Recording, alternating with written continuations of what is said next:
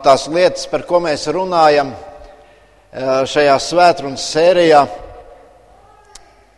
man liekas, ir tik ļoti svarīgas, ka man gribētos, lai arī tie, kas varbūt neesat visas reizes bijuši, ka, ja tas vien ir iespējams, jūs varat noklausīties šīs svētdienas, arī tās var atrast mūsu mājaslapā. Un, uh,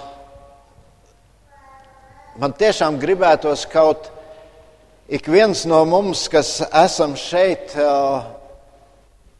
mēs varētu droši teikt, es zinu, ka es esmu glābts. Redziet, tas, par ko mēs runājam, jau neskar tikai šo brīdi vai šos gadus, kurus mēs dzīvojam šajā pasaulē, bet tas skar arī mūsu mūžību. Un Dievs mums dod šo laiku, lai mēs gatavojamies tam lielajam, ko Viņš ir paredzējis. Lai mēs gatavojamies mūžīgai, mūžībai. Un tāpēc man liekas, ir tik svarīgs šis jautājums, ar ko mēs tur nonāksim. Un ir jau tā, ka visas reliģijas nodarbojas uz šo jautājumu, kā uz mums skatās Dievs. Un ir ļoti dažādas atbildes. Un ja mēs lasām Dievu vārdu, tad mēs saprotam to, ka tas reiz būs tas svarīgākais jautājums. Vai tas, ko mēs esam šajā dzīvē darījuši, vai to par pareizu atzīs arī Dievs? Un kā jau sacīju, mēs vairākas nedēļas esam veltījuši laiku un uzmanību tam, lai atrastu atbildi uz šo jautājumu un lai tas, par ko mēs domājam, dotu mums šo pārliecību, ka es patiešām arī Dieva vērtējumā esmu glābts. Mēs par pamatu tam ņemam šīm pārdomām pirmo Jāņa vēstuli. Un, uh, ja mēs tā vispārīgi domājam, tad apustulis Jānis šo vēstuli rakstīja, uh, lai palīdzētu cilvēkiem, kuri dzīvoja pirmajā gadsimta, pirmā gadsimta beigās, ieraudzīt, kā starp tiem daudziem un dažādiem uzskatiem, kuri jau tad izplatījās pasaulē, un kuri arī šodien ir uh, tik dažādi, kā satvert tos pašus svarīgākos. Kas nosaka to, ka es patiešām esmu izglābts?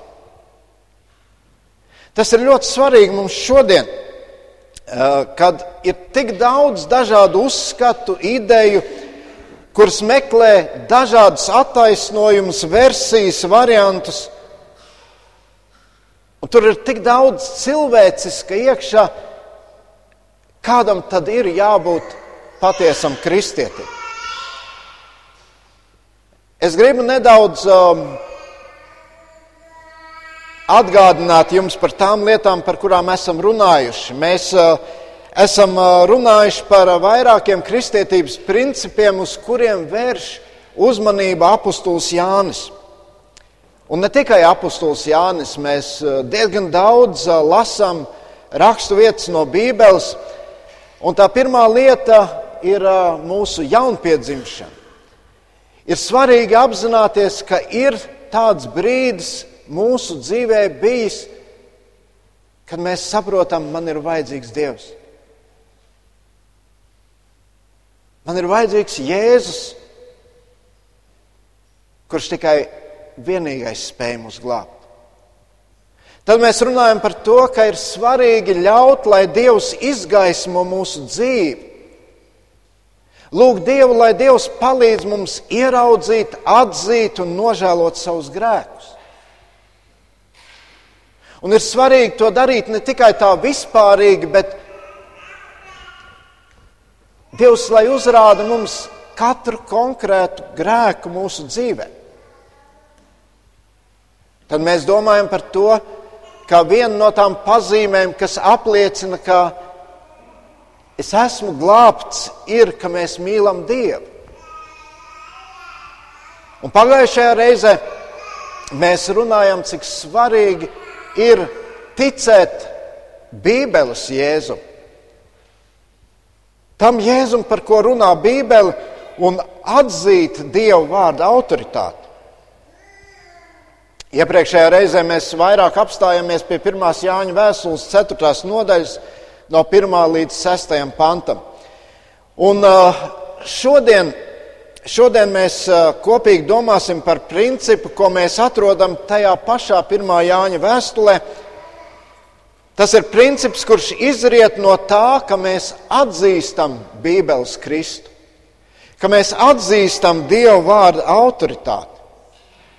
Bet redziet, atzīt Dieva vārda autoritāti, tas var nozīmēt arī to, ka mums vienkārši patīk Dieva vārds.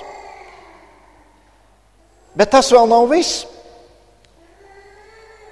Mēs šodien domāsim par to, ka Dieva vārds saka, ka ir jāseko vēl kaut kam. Un apustulis Jānis vairāk kārt runā par to, ka īsts kristietis būvē savu dzīvi, savas dzīves pamatā liek tās liecības, ko mēs atrodam svētajos rakstos. Dieva vārds nav tikai kāda teorija par faktiem un principiem, bet Dieva vārds ir dzīvības grāmata, kura mūsu dzīvi vada, kura mūsu dzīvi iespaido, kura mums dod atbildes uz tik svarīgiem jautājumiem, kas galu galā izšķir kāpēc mēs vispār dzīvojam šajā pasaulē. Un es gribu aicināt jūs atvērt Bībeles pirmā Jāņa vēstuli. Es domāju, ka diezgan viegli jau to ir atrast, jo grāmata parasti tā labi ielokas tajā vietā, to, kur biežāk lieto. Pirmā Jāņa vēstule. Un šodien lasīsim no otrās nodaļas, sākot no 3. līdz 5. pantam. Pirmā Jāņa vēstule, otrā nodaļa, no 3. līdz 5. pantam. No tā mēs zinām, ka esam viņu atzinuši, ka turam viņa, turam viņa baušļus. Kas saka, es esmu viņu atzinis, bet neturu viņa baušļus, tas ir melis un tādā nav patiesības. Bet ja kas viņa vārdu tur, tādā patiesa Dieva mīlestība ir piepildījusies. No tā mēs zinām, ka esam viņā. Apostols Jānis, kurš savā dzīvē bija ļoti daudz ko pieredzējis, un šeit viņš griežas pie cilvēkiem, kuri bija viņam līdzās, pie draudzes, un Šajos trīs pantos viņš it kā no trīs dažādiem skatu punktiem pārliecina, cik tas ir svarīgi, ka mēs paklausām tam, ko Dievs saka. Mēs esam atzinuši Dievu. Un par to, ka tas tā ir, liecina tas, vai mēs turam viņa pavēles, viņa likums, viņa baušas. Mēs ejam uz baznīcu. Un ja mēs tur ejam, tad droši vien mums tur patīk būt. Bet bieži vien ir šis jautājums, un man liekas, to ir ļoti svarīgi mums katram uzdot, vai tas, ko mēs tur dzirdam, vai tas kaut kādā veidā iespaido mūsu dzīves. Vai tas Dieva vārds, ko mēs tur kopīgi pārdomājam, vai mēs pēc tam to pielietojam savā dzīvē, vai mēs pēc tam balstam arī savu dzīvi uz šo Dievu vārdu. Es gribu nedaudz atgriezties pie tā, ko pats apustulis Jānis par šo tēmu dzirdēja no savas skolotāja, no Jēzus Kristus.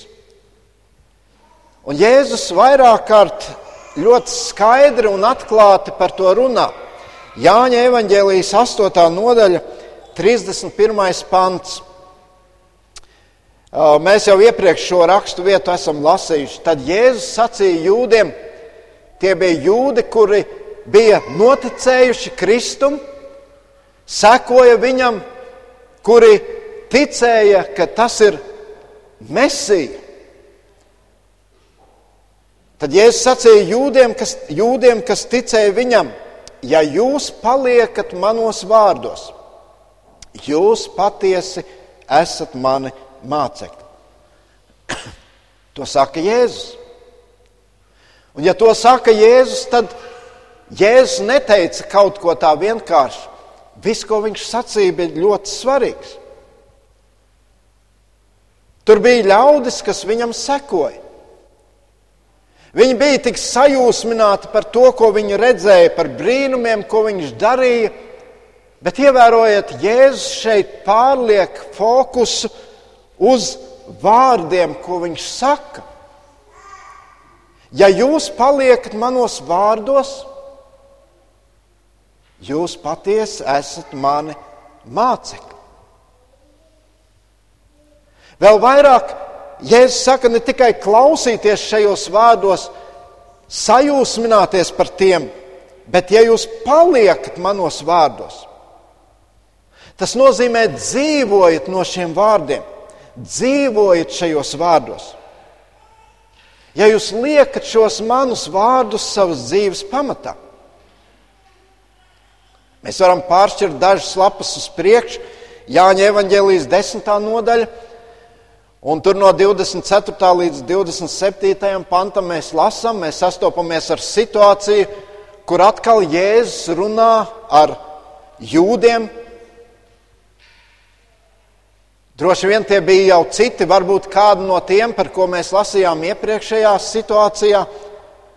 Un tur mēs lasām, jūdi viņu apstāja un jautāja, cik ilgi tu mūs turēsi neziņā? Ja tu esi Kristus, saki mums to atklāti. Jēzus viņiem atbildēja: Es jums teicu, bet jūs neticat. Darbi, kurus es daru savu tēvu vārdā, tie liecina par mani. Bet jūs neticat, jo jūs nesat no manām avīm. Manas avis klausās manā balsī, es tās pazīstu un viņas man seko.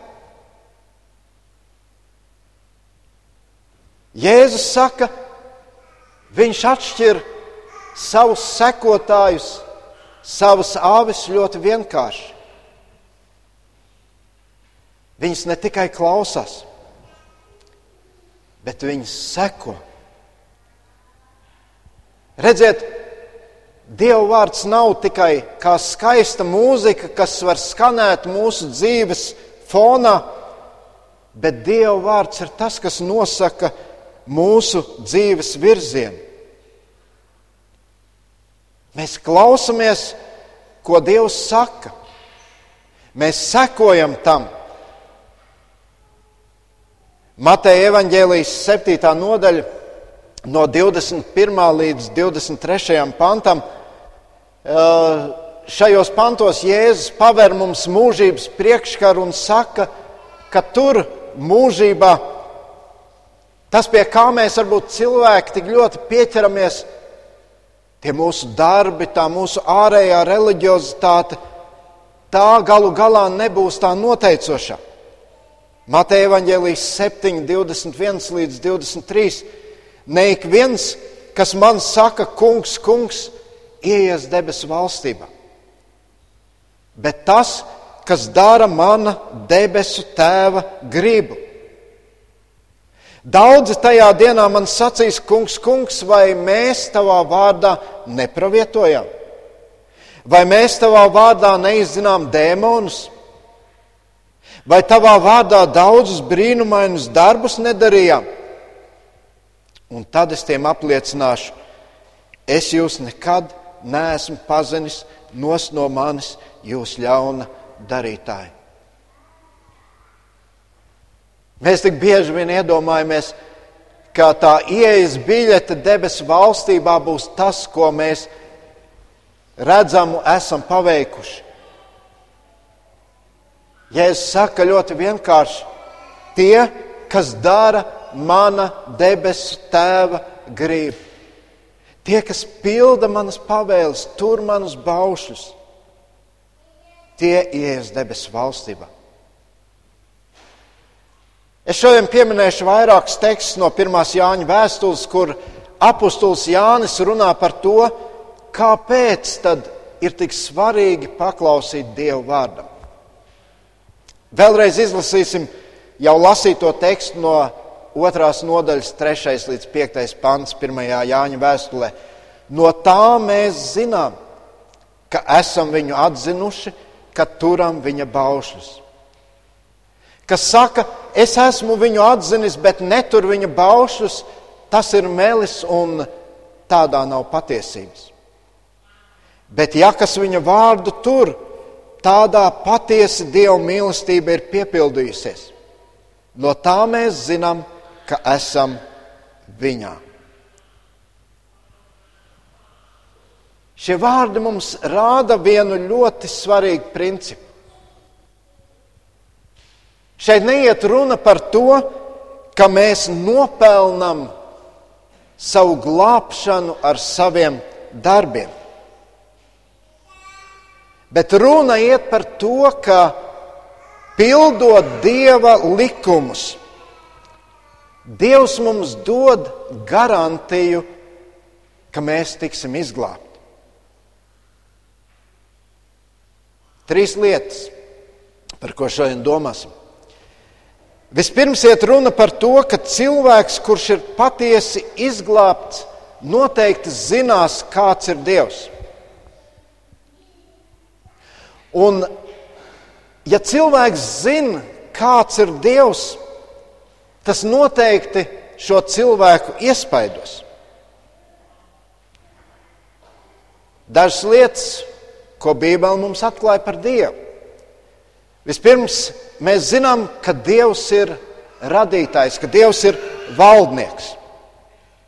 Mēs zinām, ka Dievs nav ne no viena atkarīgs. Mēs zinām, ka Dievam nav jāslēdz kādi koalīcijas līgumi vai jāmeklē kādi kompromisi ar saviem partneriem. Nē, viņš ir vienīgais valdnieks. Un viņam ir visas tiesības noteikt, kā dzīvot. Kad apustulis Pāvils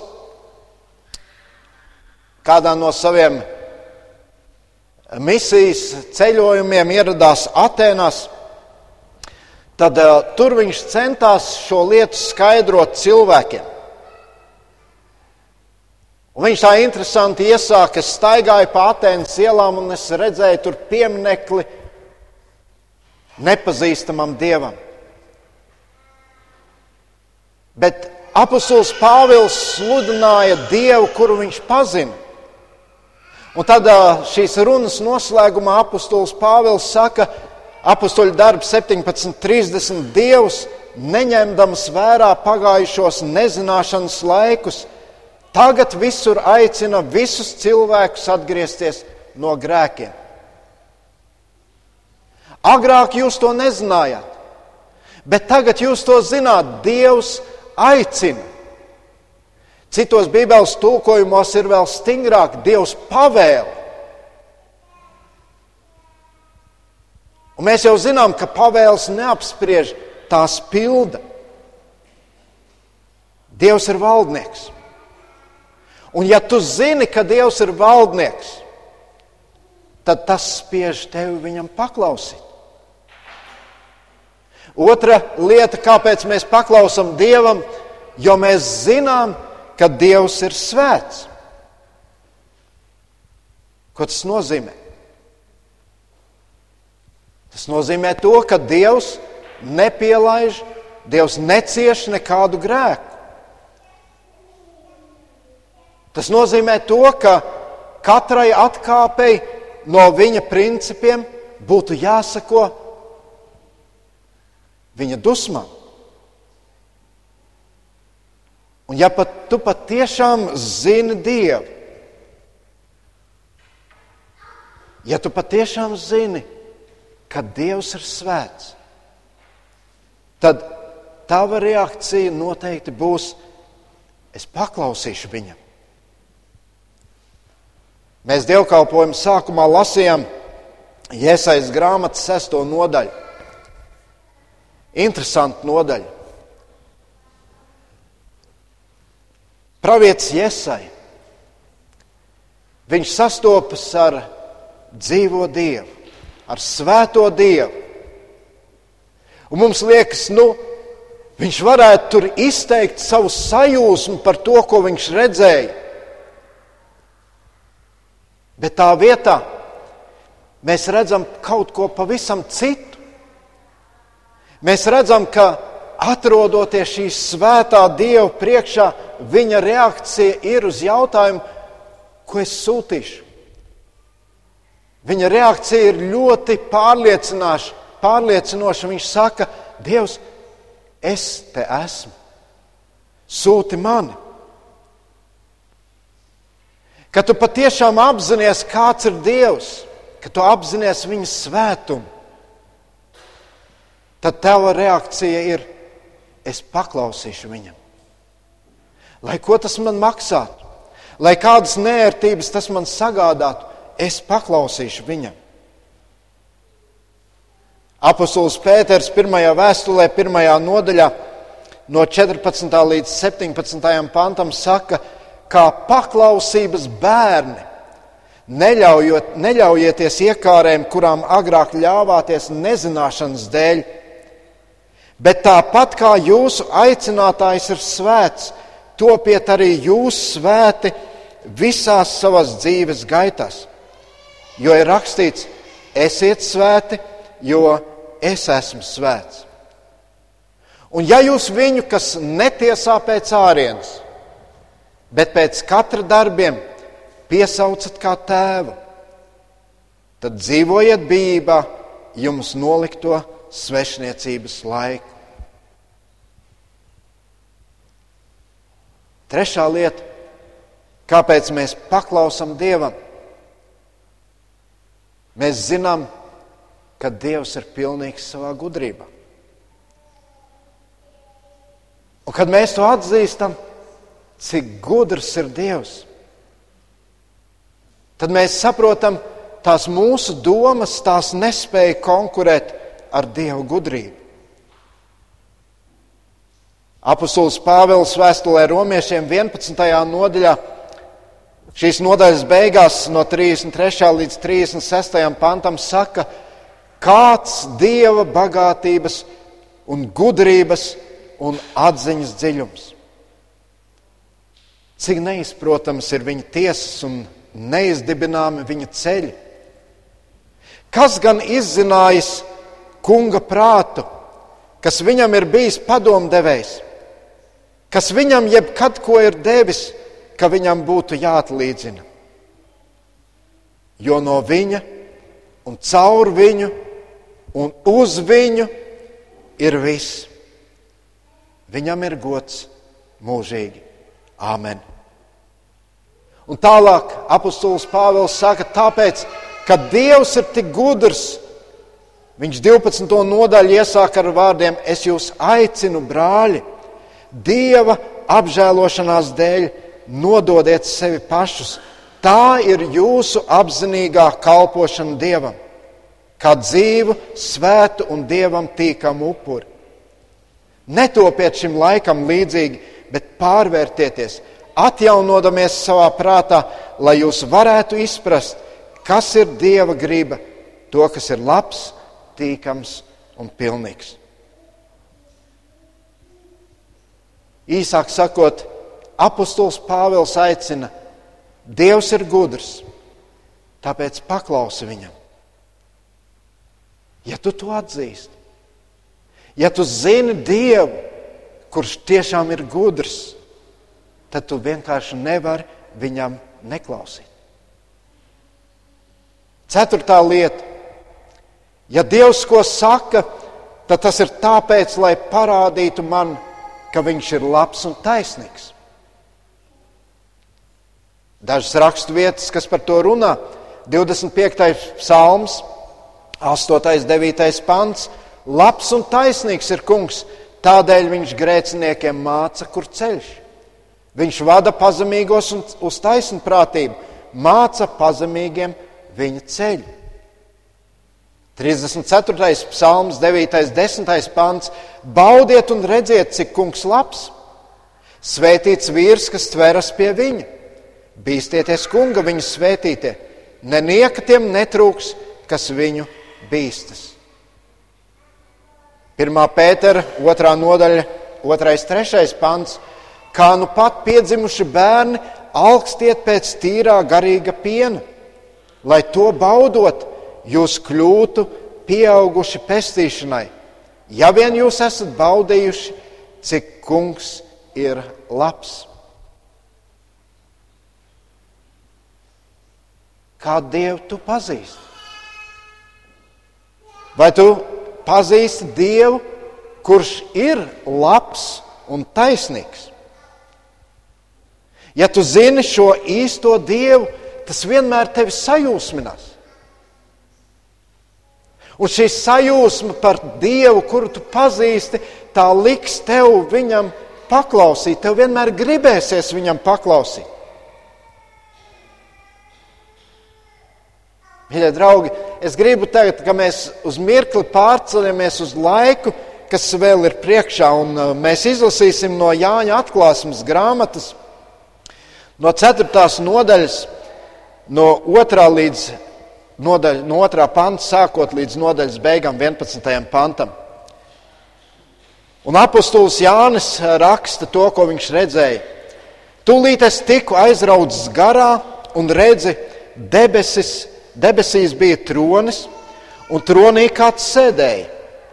Tas izskatā bija līdzīgs jašmai un serdolikam, un ap troni varavīksne līdzīgs smaragdam.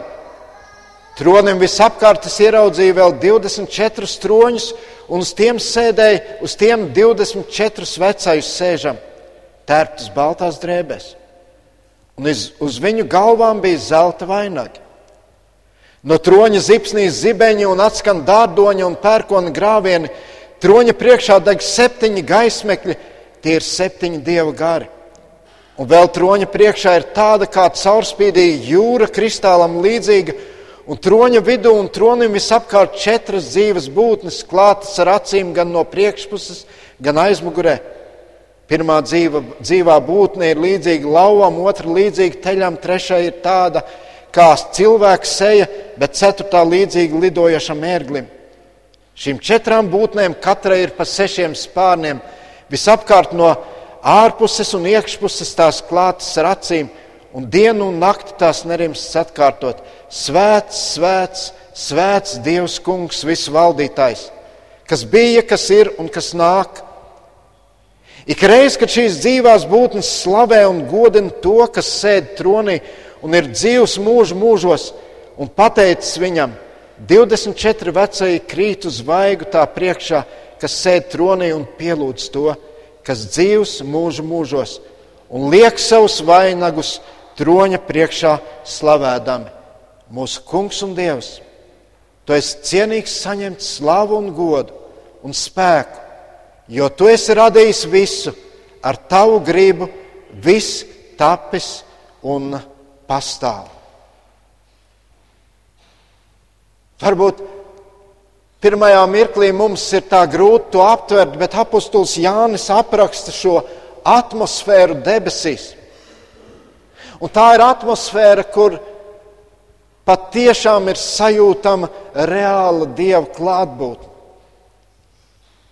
Mēs redzam, tur tie, kas to piedzīvo, tie ir pārņemti tie ir sajūsmināti no tā, ko viņi redz.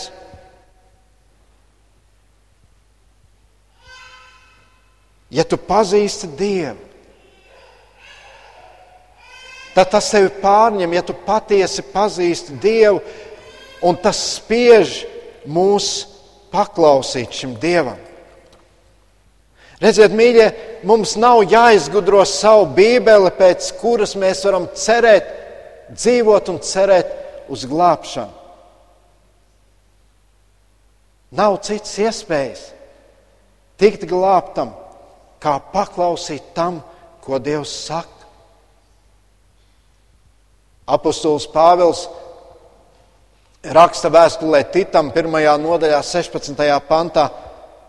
Viņš saka, viņa apgalvo, ka Dievu pazīst, bet ar darbiem noliedz, būdami neganti, nepaklausīgi un nederīgi nevienam krietnam darbam. Ja tu pazīsti Dievu, tad paklausi viņam. Otrs iemesls, kāpēc ir jāpaklausa tam, ko Dievs saka. Jānis saka, ka mūsu attieksme pret Dieva sacīto parāda, vai mēs patiešām mīlam Dievu. Cilvēks, kurš nemīl Dievu, dzīvo sev.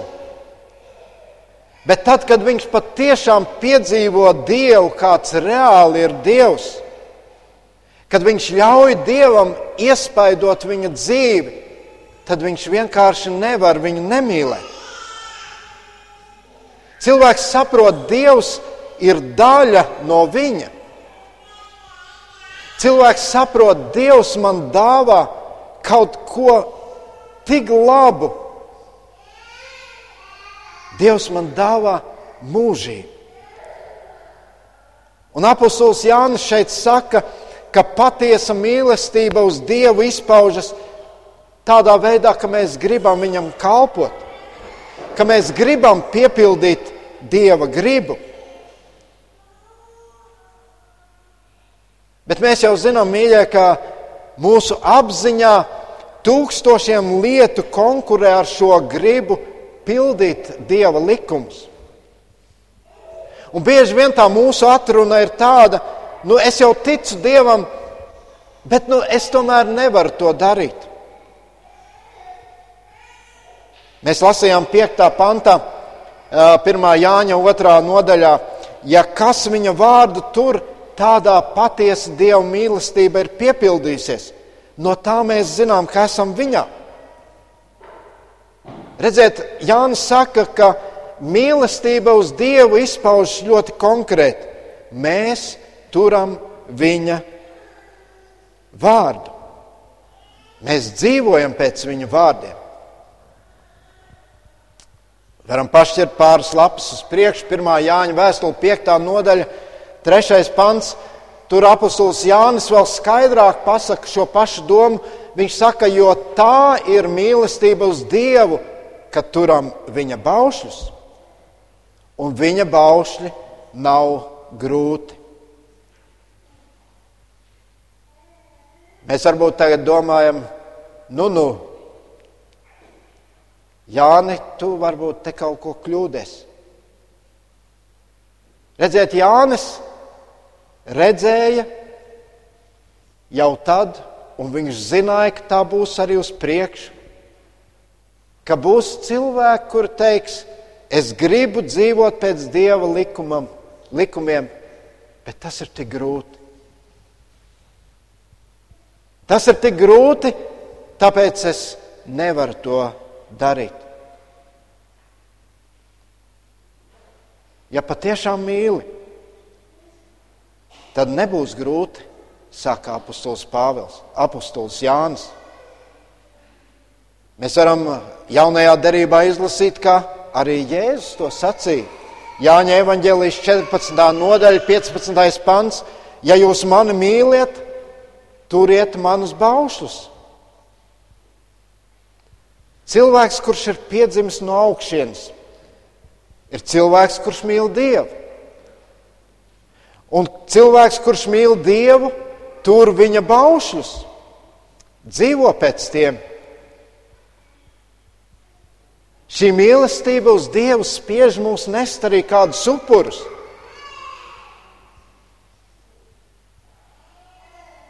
Mēs to redzam arī tīri tādā praktiskā dzīvē. Kā cilvēks nopērk jaunu mašīnu, nu, savā ziņā viņš mīl šo auto, vai ne? Viņš tur ieliek savus līdzekļus, rūpējās, pucē viņu. Sākumā, kamēr jauni, varbūt nebrauc tur pa tādiem sliktiem ceļiem. Mēs varam to pašu teikt par hobijiem, kas mums ir, ar ko mēs mīlam, kur mēs mīlam pavadīt savu brīvo laiku. Tas no mums kaut ko prasa. To pašu mēs varam teikt par mūsu bērniem, kurus mēs mīlam. Mēs investējam viņos, mēs varbūt daudz ko pieciešam. Mēs mācām viņus. Mūsu sieva, vīrs, Ja mēs viņus mīlam, mums nav grūti arī kādreiz kādus upurus nest. Ja tu mīli Dievu, patiesi, no sirds, tu noteikti turēsi viņa likumus. Tā izpaužas mūsu mīlestība uz Dievu. Un ir vēl trešā lieta. Atcerieties, pirmā lieta bija, ka paklausot Dieva vārdam, mēs parādām, ka mēs zinām, kāds ir Dievs. Otrā lieta bija, ka paklausot Dieva vārdam, mēs parādām, ka mēs mīlam Dievu. Un trešā lieta ir, ka paklausot Dieva vārdam, mēs apliecinām, mēs parādām, ka mēs paliekam Viņam. Ko tas nozīmē? Tad, kad mēs sakām, ka mēs esam glābti, mēs apgalvojam, ka Kristus ir mūsos un mēs viņā. Un ja mēs esam Kristu, tad mēs paklausām viņa vārdam. No tā mūs pazīst. Vakar uh, bija mācītāja konference. Un, uh, Varbūt kādu no jums pazīst uh, cilvēku, kurš diezgan bieži ir Latvijā, Volijas Skuns, ļoti interesants vīrs. Uh, daudz jauks stāstu stāsta. Uh, viņš stāstīja vienu gadījumu, gadījums, kurš noticis Amerikā. Kādā pilsētā notika kaut kas līdzīgs mūsu gada tirgam, kur ir daudz ļaužu un daudz dažādas attrakcijas. Kāds vīrs, kurš ieradies šajā pilsētā, gribējis arī tur daudz ko redzēt, bet viņš ir secinājis, ka viņa laiks ir par īsu, lai viņš varētu visur pabūt klāt un visur piedalīties. Viņš ir uh, samaksājis kādas uh, lidmašīnas pilotam, neliels lidmašīnas pilotam, Eh, kādu naudas summu un teica, es gribu palidot virs šīs pilsētas un redzēt, kas tur apakšā notiek. Un eh, šajā lidojumā viņš tur redz eh, kāds vīrs visu laiku griež tādu ratu un pumpē ūdeni. Viņi tur lido, un viņa, viņa acis ir piekautas tam vīram. Viņš varbūt daudz ko citu neredz. Un šis vīrs nenogurstoši strādā, viņš pumpē ūdeni.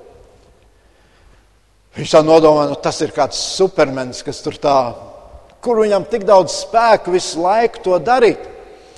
Un, uh, kad šis uh, laiks lidojumam ir beidzies, lidmašīna nolaiž, viņš nav mierīgs. Viņš teica, man ir jāiet, jāsatiek šis vīrs, es gribu ar viņu iepazīties. Un uh, viņš atrod to vietu un uh, ir pārsteigts redzot kas tad patiesībā ir šis vīrs? Šis vīrs ir koka figūra. Un nevis šis vīrs pumpē šo ūdeni, bet ūdens pumpē šo vīru. Redziet, mēs kā cilvēki bieži vien sakam, kā kristieši sakam, man dzīvē ir tik grūti, es nogurstu, es esmu izdedzis. Bet ja Kristus ir tevī, ja šī dzīvība ir tevī, tad Kristus būs tas, kas dos tev šo spēku. Tur viņa baušļus. No tā mūs pazīs. 1. Jāņa vēstule, 3. nodaļa, 24. pants. Bet kas viņa baušas tur, tas paliek viņā un viņš tanī. No tā mēs zinām, ka viņš paliek mūsos no gara, ko viņš mums ir devis. Un tālāk jau 4. nodaļā, no 1. līdz 3. pantam, mēs lasām, mīļotie, neticiet katram garam, bet pārbaudiet, vai tie ir no Dieva. Jo daudzi viltus pravieši ir izgājuši pasaulē, tā pazīsiet Dieva garu. Katrs gars, kas apliecina Jēzu Kristu miesā nākušu, ir no Dieva. Un katrs gars, kas neapliecina Jēzu, nav no Dieva, bet tas ir antikrista gars, par ko jūs esat dzirdējuši, ka tas nāks un tas jau tagad ir pasaulē. Apostols Jānis vēlreiz saka, ka tas, vai tu viņa likumus turi vai nē, nosaka, kas tu esi. Nosaka to, vai tu esi izglābts, vai tu neesi izglābts. Redziet, par to runājot, mēs mācāmies par lietām, ko Dieva vārds saka, tām noteikti ir jāparādās cilvēkam. Tām noteikti ir jābūt katrā kristietī. Tam noteikti ir jābūt cilvēkā, kurš saka, es zinu, ka es esmu izglābts. Tās nav tikai kādas idejas, kādi priekšlikumi par to, kam vajadzētu būt. Otrajā Pētera vēstulē, pirmajā nodaļā, ceturtajā pantā ir rakstīts, tālāk mums ir dāvāti dārgi un dižani apsolījumi, lai jūs kļūtu kā? Kā lai mēs kļūstam?